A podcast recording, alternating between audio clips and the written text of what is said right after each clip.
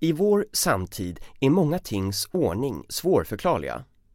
Politiken kanske är det mest välanvända exemplet för att utpeka våra farsartade tendenser människor emellan. På hemmaplan kan vi beskåda socialister som strider för en arbetarklass som knappt existerar och gammelmoderater som inarbetat tror att marknaden själv ska lösa alla våra samhälleliga problem. Även ute i Europa ser vi ytterligare exempel på gåtfulla ritualer som utspelar sig framför våra ögon. 12 gånger per år byter Europaparlamentet säte. Hela organisationen med parlamentariker, lobbyister, journalister, administrativ personal och annat löst folk gör sig en gång i månaden besväret att lämna Belgien för annan ort. När alla viktiga papper, permar och kontorsstressar är prydligt nedpackade tar man sitt pick och pack och beger sig mot tågstationen i centrala Bryssel och förbereder sig för en fem timmar lång tågresa i färdriktningen sydöst. Ekipaget rör sig mot nordöstra Frankrike och staden Strasbourg för att där hålla parlament i ungefär mm, fem, fyra korta dagar för att sedan återvända till Bryssel som om ingenting hade hänt. Anledningarna till varför man jämför denna flyttkarusell är många, komplicerade och svårförstådda. Kanske framför allt för oss skattebetalare då detta lilla företag kostar EUs hårt arbetande väljarkårer ungefär 1,25 miljarder kronor om året. Det hela kan beskrivas som ett vansinne. Vansinnet i Strasbourg. Det här är dock inte första gången Strasbourg får utstå sådana epitet genom historien. Staden och dess omnejd är trots allt kantad av vansinne genom epokerna och detta har framför allt att göra med dess geografiska belägenhet. För er, eh, precis som jag, som endast har begränsade kunskaper i fransk geografi, ligger Strasbourg i det franska landskapet Alsace. Det är ett gränslandskap och ligger inklämt på gränsen till Tyskland och Schweiz.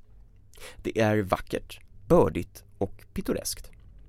Ett område man vill lägga beslag på om man är av en erövrande natur. Därför har vad Alsace officiellt kallats pendlat mellan århundradena beroende på vilken folkgrupp eller fraktion som har kontrollerat området. Mestadels har namnet hoppat från dess franska namn Alsace till dess tyska namn Elsass. Skillnaden kan tyckas banal men för människorna som bor där har den varit ack så viktig.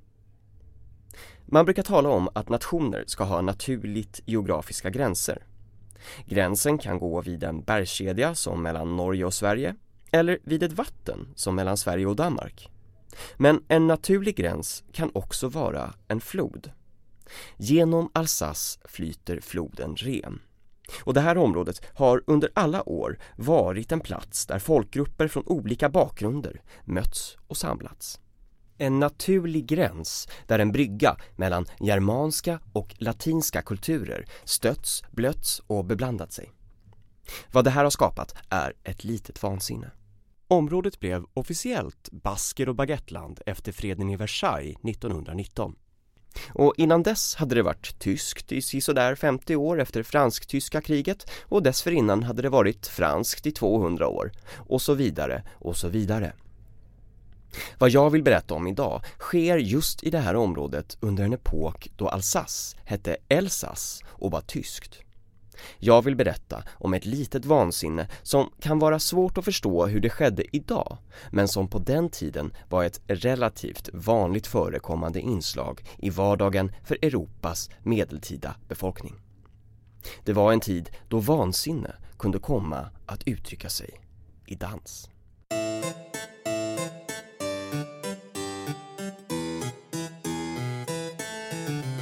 Du lyssnar på Historia du borde fått lära dig med mig, Fredrik.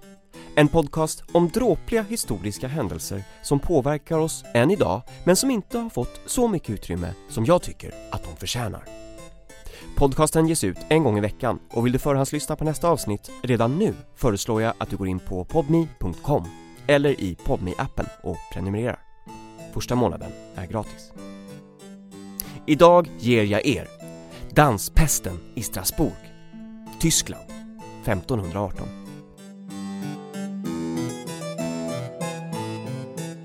Året är 1518. Vi befinner oss i månaden juli och det är osedvanligt varmt för årstiden. Vår välbekanta stad Strasbourg heter inte Strasbourg utan Strasbourg och ligger under den tysk-romerske kejsarens beskydd. Vid 1518 finns det ingenting som heter Tyskland, utan de tyska områdena är uppdelade i en slags federation av hundratals småstater och större spelare som alla innehar ett någorlunda självstyre, men som tillsammans bildade något som hette Tysk-romerska riket. Eller på engelska, The Holy Roman Empire. Imperiet var dock, som Voltaire sa, varken särskilt romerskt eller särskilt heligt. Tysk-romerska riket hade inte alls mycket att göra med Rom, men när riket väl bildades på 900-talet hade man en fabläs för allt som rörde romarriket och man såg sig som dess naturliga arvtagare. Därav namnet. I detta tysk-romerska rike, under denna varma julidag 1518, ses i en av Strasbourgs många gränder en kvinna vid namn fru Trofea röra sig som i trans längs husväggarna. Hon snurrar, vrider och skakar under tystnad. Fram och tillbaka, fram och tillbaka i en förbluffat rytmisk sekvens. Betraktare av detta skådespel måste tyckt att det hela såg något märkligt ut. Ögonvittnesskildringar säger att det såg ut som om hon dansade nödtvunget. Hennes make var oerhört förbryllad över fruns uppträdande och fru Trofea själv uttryckte ingen som helst glädje i sina dansande rörelser. Hon kastade sina lemmar åt olika håll. Hennes ansikte ska ha varit förvrängt i ett plågsamt uttryck och det var tydligt att hon inte alls hade någon större lust att dansa utan att hon drabbats av någon form av sjukdom. Timmarna går, dansen fortskrider och när mörkrets inbrott väl sker kollapsar fru Trofea av utmattning. Efter en kort tids vila reser hon sig åter och fortsätter då dansa som om ingenting hade hänt. Hon fortsätter långt in på morgontimmarna och kollapsar sedan igen av utmattning för att återupprepa samma mönster. Det här i sig skulle kanske kunna tituleras som en ensam kvinnas galenskap. Ännu en virrpanna i historien som drabbats av någon form av psykisk sjukdom som manifesterat sig i fysiska rörelser. Kanske hade det här ögonblicket fallit i glömska om det inte varit så att fru Trofeas dans börjat smitta av sig. Allt eftersom börjar i Strasbourg även andra att uppvisa samma symptom som henne. Alla delade en ofrivillig dans som om de vore besatta av djävulen. Fru Trofea bryr sig inte om sina medkompatanter i dansen. Hon själv dansar vidare under stora plågor. Efter sex dagar dansar hon fortfarande, då hon till slut antagligen kollapsar för sista gången och dör. Men vi vet inte med säkerhet vad som hände med henne. Vad vi dock vet är att efter sex dagar hade den dansande skaran växt till totalt 35 människor. Allt fler insjuknar för var dag som går. Det pratas om djävulens påverkan i staden och oron börjar sprida sig allt mer. Det viskas och tisslas och tasslas på marknader, i husen och bland alla samhällsskikt. I slutet av augusti har siffran på dansande människor stigit till över 400 personer som dag och natt dansar utan att uppvisa minsta tecken på att faktiskt vilja dansa. Dansen hade nu växt till en epidemi, en danspest. Det finns inga som helst bevis på att de dansande i själva verket ville dansa. Tvärtom uttryckte de drabbade rädsla och förtvivlan över sin förlorade kroppskontroll. Källorna säger att de insjuknade under korta ögonblick av klarhet bad om hjälp från anhöriga och präster som desperat bara kunde följa skådespelet som utspelade sig framför dem.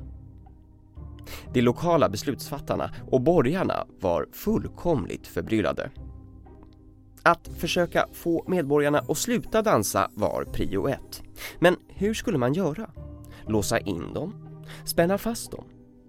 Inga idéer kändes riktigt görbara bland de styrande så man valde att konsultera de lokala läkarna.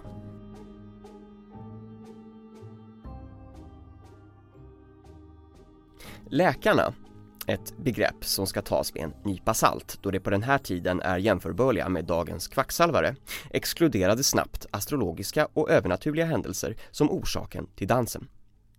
Istället var den rådande teorin bland dem att denna åkomma var en fysisk sådan, orsakad av hett blod. Och vad var då läkarnas svar på frågan? Jo, man ordinerade mer dans. Skulle bara det dansande få dansa av sig skulle det hela nog komma och lösa sig självt. Ett något misslyckat beslut skulle det visa sig i efterhand. Definitionen av galenskap är att göra samma sak om och om igen och förvänta sig olika resultat. Att bota galenskap med galenskap har aldrig varit ett lyckat medel. Stadens borgmästare och styrande tyckte dock att det hela lät logiskt, även fast det dansande hela tiden hade växt i sitt antal exponentiellt. Men man reagerade snabbt på experternas utlåtande och skrev till handling. De styrande i staden rensade snabbt två stora hallar samt en av de största marknadsplatserna i centrum så att de dansande kunde få lite mer plats. Man byggde även en liten scen mittemot hästmarknaden. Sen tog man helt sonika dit alla drabbade människor så att de skulle få dansa fritt och ostört utan att bli avbrutna, för att därmed kunna botas. Problemet var bara att eftersom det var mitt i staden koncentrerades problemet och än fler insjuknade. De styrande hyrde då in musikanter och professionella dansare för att få de drabbade att fortsätta dansa dag och natt. Mer dans skulle till. Varje gång någon av de drabbade snubblade eller svimmade av utmattning höll de inhyrda dansarna upp individen så att denne kunde fortsätta dansa. För att få alla att sluta dansa skulle ingen sluta dansa. Källorna berättar att musikanterna även ökade takten på sina instrument när folksamlingen börjat förslöas av utmattning så att de dansande återigen skulle få upp ångan och fortsätta slå runt. Denna strategi visade sig inte vara särskilt lyckosam. Dansandet fortsatte utom all kontroll och till slut började folk dö som flugor av hjärtattacker och hjärnblödningar och andra utmattningssymptom. En källa beskriver att under epidemins värsta dagar dog så många som 15 personer om dagen. Myndigheterna tog till slut sitt förnuft till fånga och började att tänka om. Borgarna i staden insåg att det inte hade varit det smartaste att hyra in musikanter och att bygga en scen för att få folk att sluta dansa. Det så kallade läkarnas ord var med eftertankens kranka blekhet inte mycket att hänga i granen. Utan denna åkomma var inte fysisk och något som var orsakat av hett blod. Det måste istället röra sig om något övernaturligt, något gudomligt. Man kom underfund med att det hela måste röra sig om en förbannelse från ett förbannat helgon, nämligen Sankt Vitus. Sankt Vitus var ett ganska populärt helgon i Europa vid den här tiden och vanligtvis brukade man hedra honom genom att dansa framför avbilder av honom. För att blidka Sankt Vitus förbjöds dobbleri, hasardspel och prostitution samtidigt som de fattigaste drevs ut från staden. Folk skulle leva gudsfruktigt och då skulle nog de dansande kunna komma att bli friska. Scenen som hade byggts upp i mitten av staden revs nu också illa kvickt samtidigt som i stort sett all musik och dans förbjöds i en månad framåt.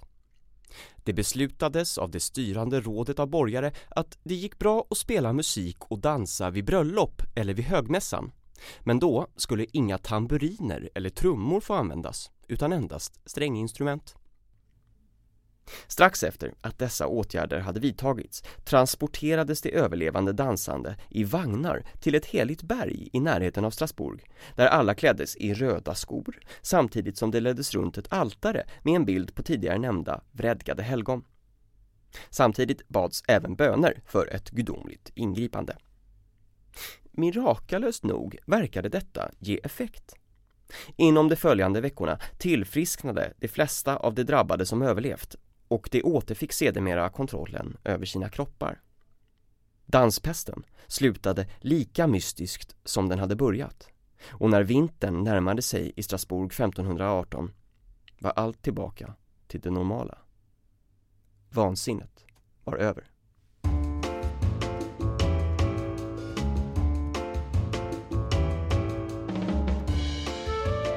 Hela den här danspesten låter rätt osannolik, men den är faktiskt väldokumenterad i flera kontemporära källor. Denna händelse är också långt ifrån unik. Innan danspesten i Strasbourg 1518 hade hela sju liknande episoder utspelat sig i västra Europa. Även relativt nära våra dagar har man kunnat bekräfta liknande utbrott av masspsykos. På 1840-talet på Madagaskar drabbades hundratals människor av liknande symptom som människorna i Strasbourg 300 år tidigare. Och under 60-talet i Tanzania drabbades runt tusen personer av skrattsjuka där de kunde skratta okontrollerat dagar i sträck. Hur kan denna typ av massinsjuknande förklaras? Hur kan 400 människor förlora kontrollen över sina kroppar och dansa sig till döds? Flera teorier har framförts. Allt ifrån intag av LSD-liknande svampar till masshysteri, men sanningen är att vi vet faktiskt inte. Vi vet inte vad som hände de där sommarmånaderna för länge sedan, annat än att det var ett litet vansinne som utspelade sig. Livet i Strasbourg i början på 1500-talet var inte någon dans på rosor. Skrämmande nya sjukdomar som syfilis hade börjat ploppa upp bland medborgarna. Religiösa konflikter med reformationen som sakta börjat med Luthers uppspikande av sina teser i Wittenberg året innan och sociala konflikter mellan fattiga och rika. Till råka på allt hade året innan danspesten inträffade varit ett missväxtår. Svält var utbrett och priset på vete hade skjutit i höjden. Människorna levde helt enkelt under väldigt svåra förhållanden. 1517 har av kontemporära källor beskrivits som ett oerhört dåligt år. Missväxten och misären hade gjort att sjukhus, barnhem och andra skyddande institutioner var överfulla. Kanske skapade alla dessa faktorer den perfekta stormen som skulle kunna förklara denna episod av masshysteri som gjorde att så många lyckades dansa sig till döds. Likväl är det så här nu 500 år senare en historia du borde fått lära dig. Det finns nämligen goda användningsområden för den om du skulle råka finna dig i en situation där okontrollerbar dans önskas kontrolleras av ordningsmakten. Så nästa gång du beträder ett rave som ej innehar danstillstånd och farbror blå rullar in och kräver att ni slutar Hävda då att du är drabbad av danspest Referera till den här ljudslingan vid eventuell okunnighet från konstapelns sida och fortsätt förkovra dig i dansens förtrollande rytmer. Packa ner en flaska vatten. Gå ut och dansa. Ta chansen och skapa ditt eget lilla vansinne.